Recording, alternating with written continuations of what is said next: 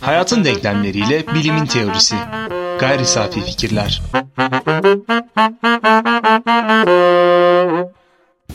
Duygu, tasarı, güzelliğin anlatımında kullanılan yöntemlerin tamamı ya da bir şey yapmadaki ustalık. Sanatın iki sözlük tanımı bu. Farklı tanımları var fakat bu ikisi üzerinde biz daha çok e, uğraşacağız. Bu tanımlar ilkinde yöntem, ikincisinde ise ustalık kelimeleri en azından bugünün konusu, bu haftanın konusuyla ilgili bir vurgu istiyor. E, yöntem izlenen yolun varlığı ve izlenen yolun varlığı da aslında kuralları doğuruyor. Burada tabii bir metot alıntısı da var. Bilim sanat ayrı yollar gibi görülse de e, bu tarz e, ara yollara baktığımızda paralel çizgileri en azından yöntemsel çizgileri görebiliyoruz. Yöntem, kural, metot gibi çizgiler aslında arada paralel bir yolun olduğunu bizlere gösterebiliyor. Bu da sanatta kural yoktur. Sanat yaratıcılıktan ibarettir ve daha fazlasını görmemeliyiz yaklaşımının çok da doğru olamayacağı kapısına bizi çıkarabiliyor. Bunlar aslında büyük ve bir şey üretildiğinde onu tanımlarken kullanılan kalıplara bakıldığında kurallılığı görmemek de zorlaşıyor. Yani kuralları zaten seçebiliyoruz. Peki sanat neden kurallara ihtiyaç duyar sorusu hemen hemen temel noktaya inebilmemizi sağlayabilecek bir soru olacak. Aslında tabii sanat ne tarz kurallara ihtiyaç duyuyor veya sanattaki yöntem ve ustalık nasıl bir şeydir ve bunun bilimsel yöntem veya bilimde ustalıkta bir paralelliği var mıdır diye sormak gerekir. Çünkü sadece sözcüklerin benzerliği yani ikisinde de yöntemden bahsedebilmek ya da ikisinde de bir tür ustalıktan bahsedebilmek ee, buna ekleyebileceğimiz belki ikisinde de bir tür üretimden bahsetmek. Acaba sanatla bilimi veya sanatsallıkla bilimselliği aynı e, kategorideki bir kesişime yerleştirmek için yeterli midir diye tabii sormak gerekir. Burada hemen işin bilim kısmından başlayalım. Çünkü acaba bilime benziyor mu derken biz hemen hemen bütün konuşmalarımızda yeri geldiğinde söyledik. Bilimsellik gerçeklikle ilişki kurma biçimlerinden biridir ama sonu bilgiyle biten ve başarı sağlayan tek biçimdir diye. Demek ki farklı biçimlerde var. Sanat veya sanatsal e, ilişki biçimi işte bunlardan birisi. E, ama bilime baktığımızda şöyle bir şey göreceğiz. Biz yine bir Karl Popper e, alıntısıyla devam edelim e, bütün artık takip edenler bilecektir. Karl Popper da aramızdaki üçüncü kişidir daima. E, o şöyle demektedir. Hem doğa bilimleri hem de sosyal bilimler hep problemlerden yola çıkar. Yunan filozoflarının dedikleri gibi bir şeylerin merakımızı uyandırmasından. Popper'ın tabi burada gönderme yaptığı özellikle Aristoteles metafiziğinin ilk satırlarında insan doğası gereği bilmek ister demekteydi. Bilimler bu problemlerin çözümü için temelde sağlıklı bir insan mantığıyla aynı yöntemi kullanırlar. Deneme ve yanılma yöntemini. Daha kesin bir ifadeyle bu, deneme amacıyla problemlerimiz için çözümler ortaya atma ve yanlış çözümleri hatalı olduklarından dolayı ortadan kaldırma yöntemidir. Bu yöntem çok sayıdaki deneme amaçlı çözümle çalışmayı varsayar birbiri ardına çözümler denenir ve ortadan kaldırılır. Şimdiye kadar deneme ve yanılma ile öğrenme hakkında söylediklerimi, yani Karl Popper söylüyor bunu, üç aşamalı bir şemada özetlemek istiyorum. Şema şu üç aşamadan oluşmaktadır. Problem, çözüm denemeleri, ortadan kaldırma. Şemamızın ilk aşaması problemdir.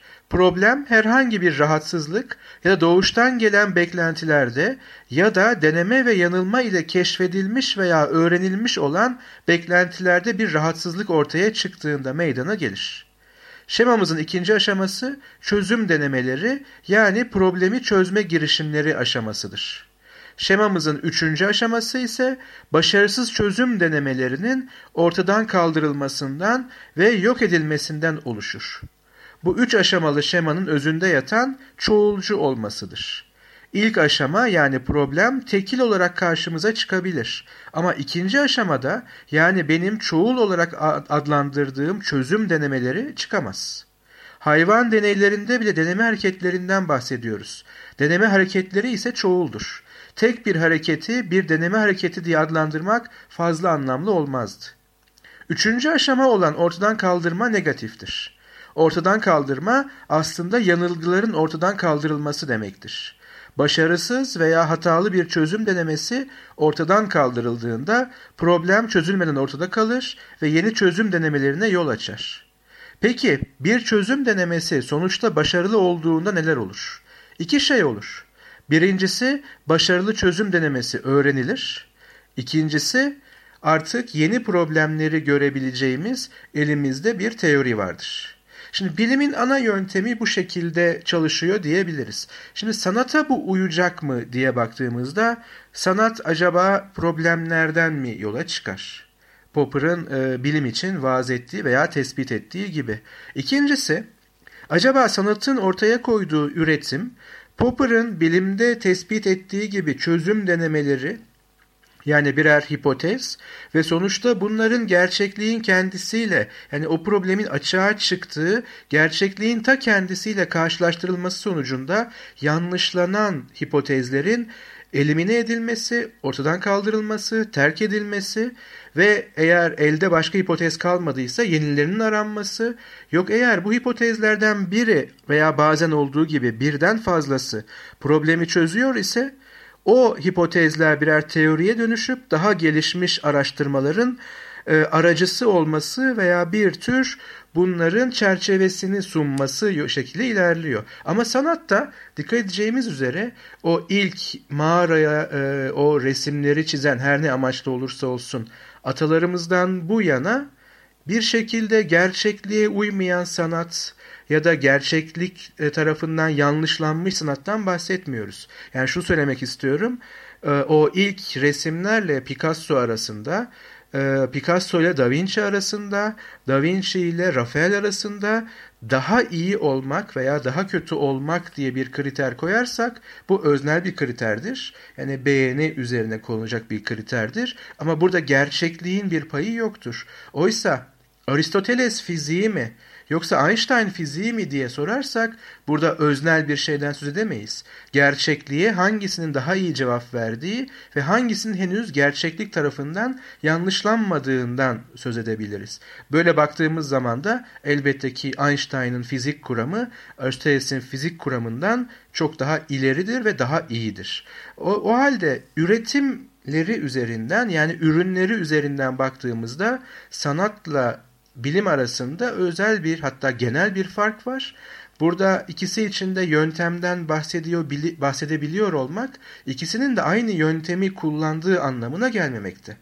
O halde bir ayrım var ama bu ayrıma bir soru yöneltebiliriz. Acaba sanat veya da bilim ya ya da tercihlerinin konusu olabilecek iki ayrı ilişki kurma biçimi mi yoksa bir şekilde birbirini tamamlayabilecek ve insan olmanın gereklerini tamamlayacak iki ilişki kurma biçimi mi gerçeklikle? Bu soruyu tabii biraz sonraya bırakalım cevabını. Sanat ve bilimin gerçeği açıklamasının problemlerden yola çıkması üzerine Karl Popper'ın bir alıntısından bahsettik. Fakat problem belki de bu mağaralı, mağaradaki çizimler de bir problemin aktarımı ya da çözümü üzerine ortaya çıkmış olabilir mi? Sorusunu kendimize sorabiliriz. Bu biraz daha dolan başlı yollardan gidilmiş bir soru olacak. Fakat bilimsel bilginin ve bilimsel bilginin ürünlerinin bir sorunu çözmede karşılaştırılabilir olmasının aslında onun gerçeğe daha yakın olması ve e, nesnelliğini anlattığı söylenir. E, burada da bilimsel bilginin aslında satılabilir bir yönü olması yani ürettiğiniz herhangi bir bilimsel bilginin bir noktada teknolojik olarak ya da herhangi bir ürün olarak faydalanabilir olmasının e, onu aslında gerçek olarak algılama e, algılamamızı sağlayabildiğini de düşünüyor olabilirim. Tam da emin değilim düşünüp düşünemediğimden. Çünkü sanatsal üründe kurallı olma durumu vardır. Sanat zaten kurallı bir yapıdır. Çünkü doğada bulunan her şey e, dağınıktır. E, örneğin sesler vardır. Bu seslerin kurallandırılmış, sıralanmış hali müziktir. Renkler vardır. Bu renklerin e, uygun şekilde yerleştirilmesi, uygun şemalarda kullanılması resimdir. E, sanattaki kurallar üretimden ziyade anlamak için gereklidir. Çünkü sanatın amacı üretim değildir. Aslında onun da farklı bir açısı var. Walter Benjamin açısından. Sanat için anlamak doğru olmayabilir. Hissetmemiz sanat için teorik olarak yeterli. Anlama güdüsü yine bilimsel bilginin e, yaygınlaşması gibi onun satılabilme daha doğrusu herkes tarafından benimsenebilmesiyle ilgili nasıl bir bilimsel teknolojik çalışma katkısını nereye sunabileceğini ya da ne şekilde sunabileceğine göre değerlenip fonlanabiliyorsa ve destek bulabiliyorsa sanatsal üründe önce hissedilmesi gerekir. Fakat hissedecek kişilere bunun ulaştırılması ve ulaştırılırken kar amacı sağlayabilmesi onun da değerini belirler. Sonuçta ben bu sanat eserini hissedebilirim fakat onun önce bana ulaşması gerekir. Bana nasıl ulaşacağını birinin de anlaması gerekir ve bana sunması gerekir. Böylece o da bir aslında kendi kurallarını yapan açısından değil de yorumlayan açısından yaratır. Bu açıdan bir benzerliği olabilir sanat ve bilimin. Tabii şuradan da ayırabiliriz. Biraz bugün karşılıklı olarak e, şeytanın avukatlığını yapalım. Yani farklı görüşlerin e, dillendiricisi olalım. Şimdi elbette ki teknoloji satılan bir şey veya teknolojinin bir meta değeri var bu toplumda veya en azından 18. yüzyıl ve sonrasında baskın olarak yani sanayi devrimiyle beraber ama temele döndüğümüzde yani bilimselliğe döndüğümüzde bilimselliğin sonucunun işlemselleştirilebilir olması zaten onun en önemli doğal, özsel karakteristiklerinden birinin yansıması. Yani işlemselleştirebilirlik sadece ondan teknoloji üretmek ve bu teknolojinin e, bir şekilde kapitalist dünyada paraya tahvil edilebilir veya sermayeye dönüştürülebilir bir meta olması anlamına gelmiyor. İşe yaraması anlamına geliyor. Yani bu açıdan pragmatizm problemli bir şey değil. Bilimin elbette ki sonuçları işlemselleştirilebilir yani işe yarar bir şeydir. Çünkü Biraz önce Popper'dan yaptığımız alıntıda olduğu gibi gerçekliğe ilişkin bizim problemlerimizi çözmektedir. Gerek teorik problemlerimizi gerek pratik problemlerimizi. Ve daima teorik ve pratik problemler bir kağıdın iki yüzü veya paranın iki yüzü gibidir. Yani sadece birini satın almak diye bir şey yoktur. O yüzden sadece birine indirgeyebilmek diye de bir şey söz konusu değildir bilimsellik kısmında. Diğer taraftan elbette ki çağın gerçeğidir. Özellikle pratik sorunların çözümü noktasındaki mühendislik uygulamaları ya da teknoloji, patentler ve çeşitli hukuki yaptırımlar üzerinden başka insanlara karşı korunabilir ve ancak parasını vererek buna sahip olabilirsiniz. Ancak onun temelindeki teorik araştırma veya e, bilgiye bu şekilde bir patent koyamazsınız. Yani bir şekilde bunu engelleseniz bile hepimizin bildiği gibi bazı komplo teorileri var. Belki gerçek, belki e, spekülasyon sadece. Bazı bilgilere ulaşıldığı ama dünya ekonomisinin henüz böyle bir şeye ihtiyacı olmadığı için saklandığı gibi iddialar var. Oysa ne kadar saklanabilir ki? Bilim ve gerçeklik herkese açık. Onu elbette başka biri zaten bulacaktır. İşin komplo teorilerine kaymadığımız sürece bunun engellenebilir olduğunu düşünmek için hiçbir rasyonel sebep yok. Oysa işin sanat tarafına geldiğimizde diyelim ki ben çok beğendiğim tamamen öznel olarak e, bir ilişki kurduğum herhangi bir sanat eserini ki özellikle görsel sanatlarda yani bir tablo veya bir heykel diyelim plastik sanatlarda satın alıp herkesten ömrüm boyunca saklayabilir hatta onu yok edebilirim özgün halini. Dolayısıyla esas metalaşma sorunu olan, esas satılması, alınması problematik hale gelen ve bunun tartışılması gereken esas alan sanat alanı. Çünkü sanattaki herhangi bir özgün üretimi bir kişi alıp kapattığı anda bilimde ve bilimsellikte olmayacak sınırlar dahilinde o eseri dünya üzerinden aslında silmiş oluyor. Sadece kendi gözlerinin veya beğenisinin konusu haline indirgeyebiliyor. E çağımızda bunu yapabilme gücü de ancak parada daha doğrusu paraya sahip olan insanlarda olduğuna göre kapitalizmin veya da bu tarz eğer bir tehlike olarak görülüyorsa bu tarz bir yaklaşımın yok etme tehlikesinde olduğu veya dönüştürdüğü esas alan sanat. Çünkü evet büyük bilimsel projeler için veya büyük teknolojik yatırımlar için ciddi fonlar hatta uluslararası fonların gerektiği yani en e, gerektiği açıktır. Hatta bunun en açık örneği, en bilinen örneği CERN deneyleri. Yani e, biz maddenin yapı taşlarından biri enerjiye kütle kazandırdığı varsayılan teorik olarak keşfedilmiş olan bir bozonu deneysel olarak keşfetmek için yanlış hatırlamıyorsam 10 ila 14 milyar dolarlık bir yatırıma ihtiyacımız vardı ve bu da çok uluslu bir fon tarafından karşılandı. Elbet bunun bir bedeli olacak. Bu sadece gerçekliği bilme kaygısıyla yapıldığını söylemek çok doğru değil ama sonucu bu gerçekliği bilmek. Şimdi oradan üretilecek teknolojilerin kimler ve nasıl tarafın kimler tarafından ve nasıl kullanılacağını elbette gözlemleyeceğiz ve göreceğiz. Ama söz konusu sanat olduğu zaman artık doğrudan sanatın üreticileri Yani bir kısım sanatçılar doğrudan bu piyasaya ürün vermekteyse eğer biraz önce söylediğim şeyi tekrar tekrarlamak isterim. Esas tehlike altında olan belki sanatsal üretim, bilimsel üretim değil.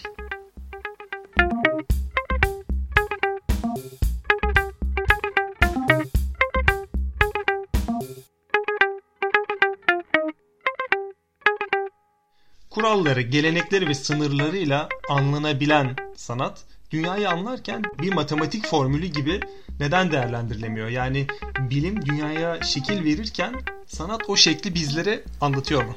Burada şöyle bir şey fark yaratabiliriz. Fark sözcüğünü özellikle seçtim çünkü biraz sonra ona bir şey ekleyeceğim. Evet dünyayı anlamak dediğimiz zaman tabii biz bunu yine teknik bilimin diline çevirelim. Gerçekliği anlamak ve açıklamak diyelim. Şimdi açıklamak söz konusu olduğu zaman aslında sanatın orada çok fazla bir işlevi yok. Çünkü açıklama aslında teorik bir bakışın empirik bir içerikle doyurulması ve o empirik gördüğümüz dünyanın mekanizmalarını ve hatta gördüğümüz e, boyutlardaki gerçekliğin ardında yatan gerçek ama bizim tarafımızdan ilk elden görülemeyen mekanizmaları arasında bir ilişki kurmak, açıklamak diyebiliriz buna.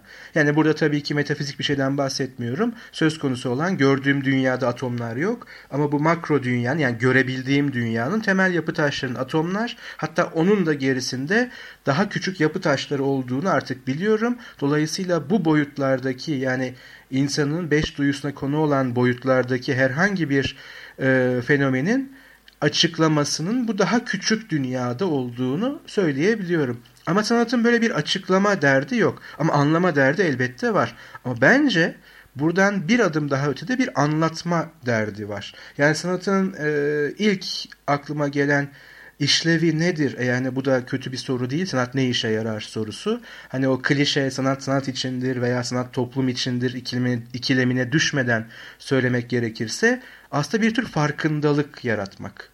Yani sanatçının en büyük e, katkısı bu dünyaya işte belki ondaki o yetenek ve hatta deha bilim insanındaki dehadan farklı olarak bu farkındalığı en iyi, en iyi şekilde yaratabilecek şekilde dünyayı, gerçekliği görmek. Bakın ben böyle görüyorum. Siz de görün diyebilmek. Ama dikkat edersen tam da o siz de görün kısmında Bilimden yine bir ayrışma var. Çünkü bilimsellikten söz ettiğimizde veya bilimsel teorilerden söz ettiğimizde şu anda belki karşılaşabileceğimiz hani göreli olarak en karmaşık, anlaşılması en zor eğitim almamış insanlar tarafından iki kuram aklıma geliyor. Birisi göreli olarak daha basit, ee, dinleyiciler hemen gülümseyecektir bilenler basit dediğim için. Einstein'ın izafiyet teorisi ama daha karmaşık olan kuantumun standart model kuramı. Şimdi herhangi birimiz bu eğitimi özel olarak almadıysak veya çok özel bir ilgimiz yoksa bu alanda yazılmış makalelere veya araştırma raporlarına sanki böyle bir e, bizim açımızdan Çince gibi yani hiç bilmediğimiz ve öğrenmemizin çok zor olduğu bir dil gibi göreceğiz. Oysa hiç öyle değil. Bunları anlamak yani en karmaşık bilimsel teorileri bile anlayabilmek hatta onları sınayabilmek için gereken tek şey yeterince zaman, enerji ve sabır.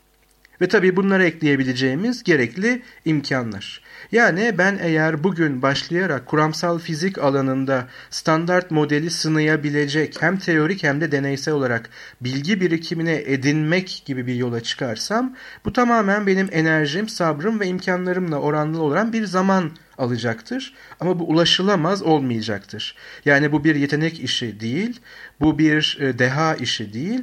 Bu sadece o alanı bilme işi ve bu da öğrenilebilir bir şey. Dolayısıyla bundan diyelim ki standart bir eğitim 4 yıl dersek, fizik eğitimi, lisans eğitimi, 4 yıl sonra en azından bu alanın ne olduğunu ve izafiyet teorisinin ne, neyi açıkladığını ve belki neyi açıklayamadığını anlayabilecek ve açıklayamadığı alanda kafa yorarak e, belki yeni bir teoriye doğru gidebilecek donanımı kazanabilirim. Oysa sanatta bir yetenek muhakkak ki gerekiyor.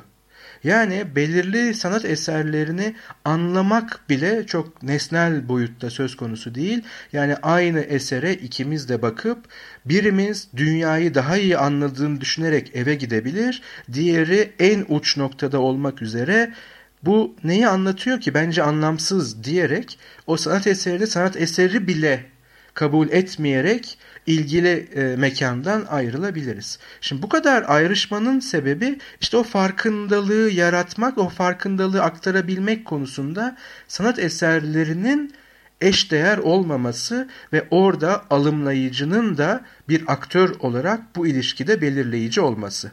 Oysa e, söz konusu olan bilim olduğunda bilimsel bir teorinin alımlayıcısı hiçbir şekilde belirleyici değil. Ve hatta o bilimsel teoriyi ortaya çıkaran kişi veya kişiler yani bilim insanları bile çok belirleyici değil. Çünkü gerçeklikle ilgili bir problemi çözmek isteyen bir insan veya bir grup insanın ortaya attığı bir hipotezin yine gerçeklikle sınanması üzerinden teori haline gelmesi ve başka insanların bu teoriyi inceleyerek veya kullanarak gerçeklikteki yeni problemleri çözmeye çalışması veya o teoriyi geliştirmeye çalışmasından bahsediyoruz. O yüzden belki de e, Thomas Kuhn'la beraber farklı bir bağlamda da olsa bilim insanları topluluğundan veya bilim insanları cemaatinden bahsedebilirken ve burada e, tartışmaya açık bile olsa nesnelliğin en üst seviyede olduğunu söyleyebilirken bir sanatçılar topluluğu diyemiyoruz. Farklı ekollerden bahsediyoruz, farklı kültürel yansımalardan bahsediyoruz. Hele ki iş alımlayıcıya yani sanatın belki o sözcük doğru değil ama e, bu çağda kullanmak kesinlikle gerekiyor. Çünkü artık endüstriyel bir sanattan da bahsediyoruz aynı anda. Bir kitle e, kültüründen de bahsediyoruz ve bunun içinde dolaşımda olan sanat adını almış olan eserlerden de söz ediyoruz. İşte böyle bir şeyde artık sanatın tüketicisinden de bahsetmeye başladık. Hani herhangi bir metanın tüketicisi gibi. İşte o tüketicinin e, ne talep ettiği bile sanat eserindeki anlamı etkiliyor. Çünkü acaba sanat eserinde şu hep bir tartışılmıştır. Acaba sanat eserinde onun yaratıcısının, onun e, sanatçısının ona yüklediği nesnel bir anlam var mı ve bu hala o eserde yaşıyor mu? Yoksa her birimiz o sanat eserinden veya da o objeden ne anlıyorsak onu mu anlatıyor? Tekrar ediyorum bu bilimde kesinlikle yeri olmayan bir şey. İdeal olan konusunda haklılık olabilir fakat idealde bilimin anlaşılmasına gerek yoktur diyebiliyoruz. Yani bilimi kimse anlamasa da e, ortada bir problem yoktur bilgi kendini gideceği yere götürür. Fakat e, ideal olan pek de yaşanmıyor. Çünkü e, bilim anlaşılmadığı sürece ortaya çıkmıyor. Onu üreten kişi anlamadığı sürece onun üzerine gidilmiyor. Onu anlaması gereken kişi anlamadığında kabul olmuyor. Ki onu geçtiğimiz bölümde konuştuğumuz gibi onu anlaması gereken kişi ya da kişiler onu anlamadığında ona gidecek kaynak yani o bilimin üretileceği kaynak aslında ortada olmuyor. Burada bilimsel ürünle ilgili de bir problem olabilir. Ee, onun da anlaşılması gerekir. O anlaşılmadığında e, yine sunulmaz ve e, Leonardo da Vinci ya da Dali'nin çalışmaları anlaşılmasaydı ve üzerine belki de bir topluluk olumlu yönde karar vermeseydi şu an biz onları bilmiyor olacaktık. İkincisi başa dönüyorum. Yetenek, zeka bu iki kavram bence çok yorgun iki kavram. Yani nasıl e, zeka üzerine çok fazla konuşamayacaksak çünkü zeki biri dendiğinde herkes ne olduğunu bilir fakat zekinin ne olduğu henüz tanımlanamamıştır. Yani yakın zamanda dahil olduğum bir tartışmada karşımdaki kişi şunu söyledi. Peki ya gerekli zekaya sahip olmayan kişiler bu eğitimi hak etmiyorsa ya da bazı insanların zekası eğitim almasını gerektirmiyorsa o zaman eğitim felsefesi ya da eğitim düzeni nasıl belirlenmeli? Burada uzun uzun bana bir şeyler anlattı fakat benim söylediğim tek şey şu zeki olanla olmayanı nasıl ayıracaksın? Teorik olarak bunu ayıramazsın fakat pratik olarak bir yorumun vardır. Fakat bu pratik olanla genele gitmek çok mümkün olmuyor. Yetenek de bunun gibi. Ee, sanat eserine bakıldığında hissedilenler farklı. Sanat eserini üretirken elde olanlar farklı. Aslında sanat eserini anlamak için de bir birikimin olması gerekiyor. Bu birikimin bilinçli ya da bilinçsiz olması gerekir diye düşünüyorum. Çünkü bir esere bakıldığında birisi dünyanın mükemmeliyeti ve öteki dünyanın bizi bekliyor olacağını düşünürken öğrendiği, bildiği, okuduğu ya da herhangi bir deneyimi üzerinden bunu öğrenmiş olabilir. Yine aynı şekilde yetenek konusunda da müzik ya da sanat eserini üretmek için yeterince çalışmanın aslında iyi yöne götürebileceği örnekler de var, zıttı da var. Bunların tamamı aslında bu yetenek kavramının muğlak, kaygan ve biraz da yorgun olması ile ilgili olabilir. Doğru bazen sözcüklerdeki e, kavram yorulmasını hesaba katarak yeni kavramlara ihtiyacımız oluyor. İkincisi de yeni koşulları e, adı üstünde daha iyi kavrayabilmek için kavramlara ihtiyacımız oluyor. İşte belki de şu anda felsefenin en önemli katkısı da bize bu. Felsefe işte bu kavramları üretiyor veya en azından onları sorgulayarak kendini revize etmelerini sağlıyor. Tabii bizim onları revize etmemizi sağlıyor. Ama iki noktada tabii yine aynı kavramlar üzerinden gidebilir ve problemimizi hala o kavramlarla netleştirebiliriz. İlki şu konuda size sana katılıyorum.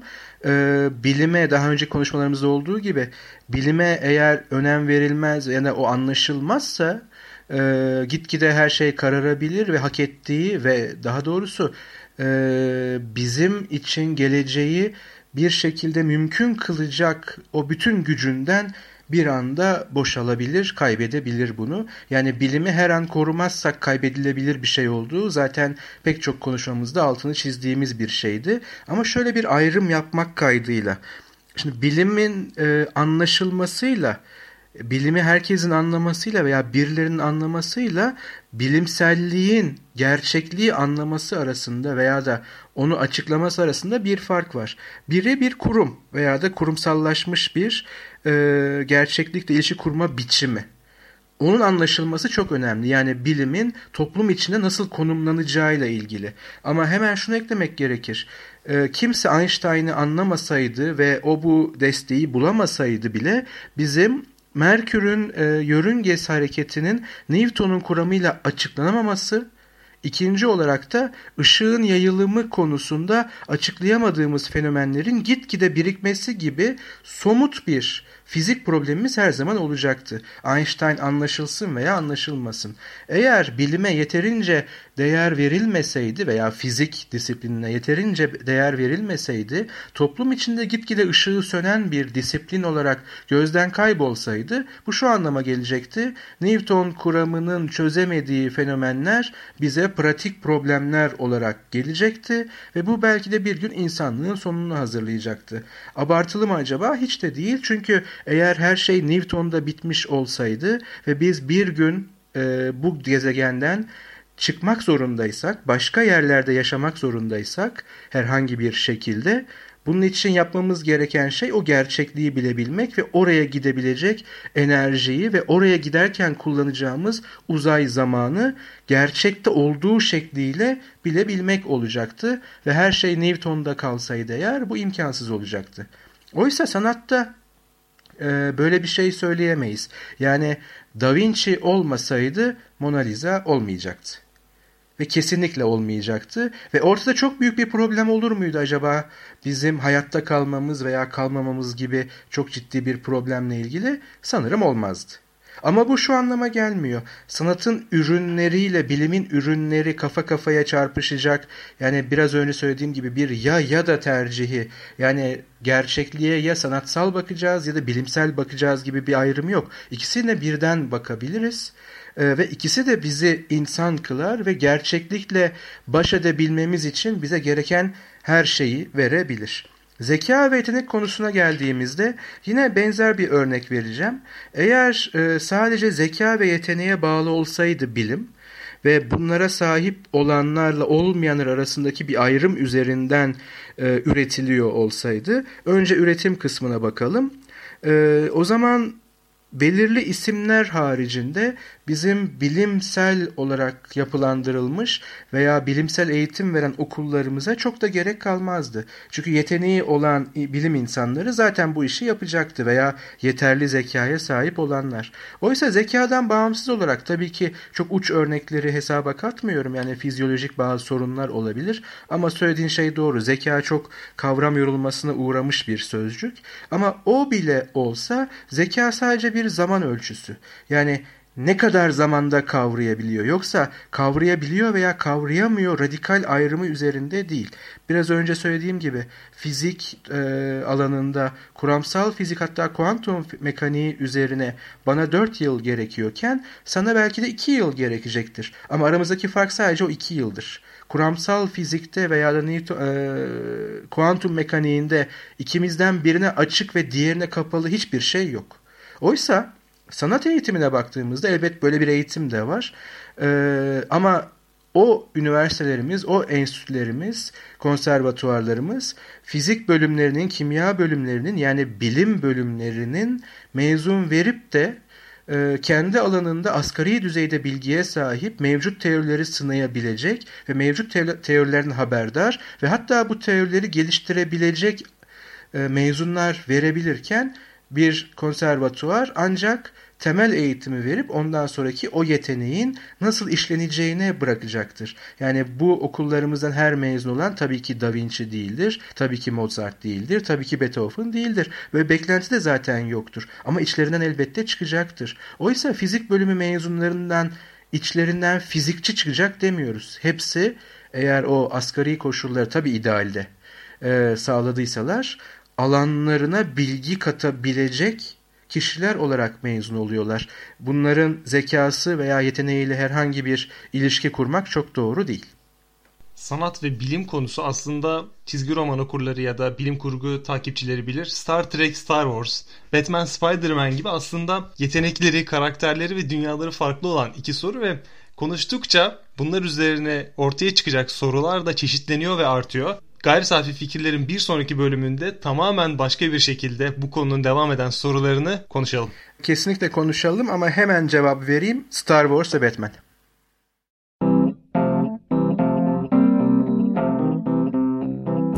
Hayatın denklemleriyle bilimin teorisi. Gayri safi fikirler.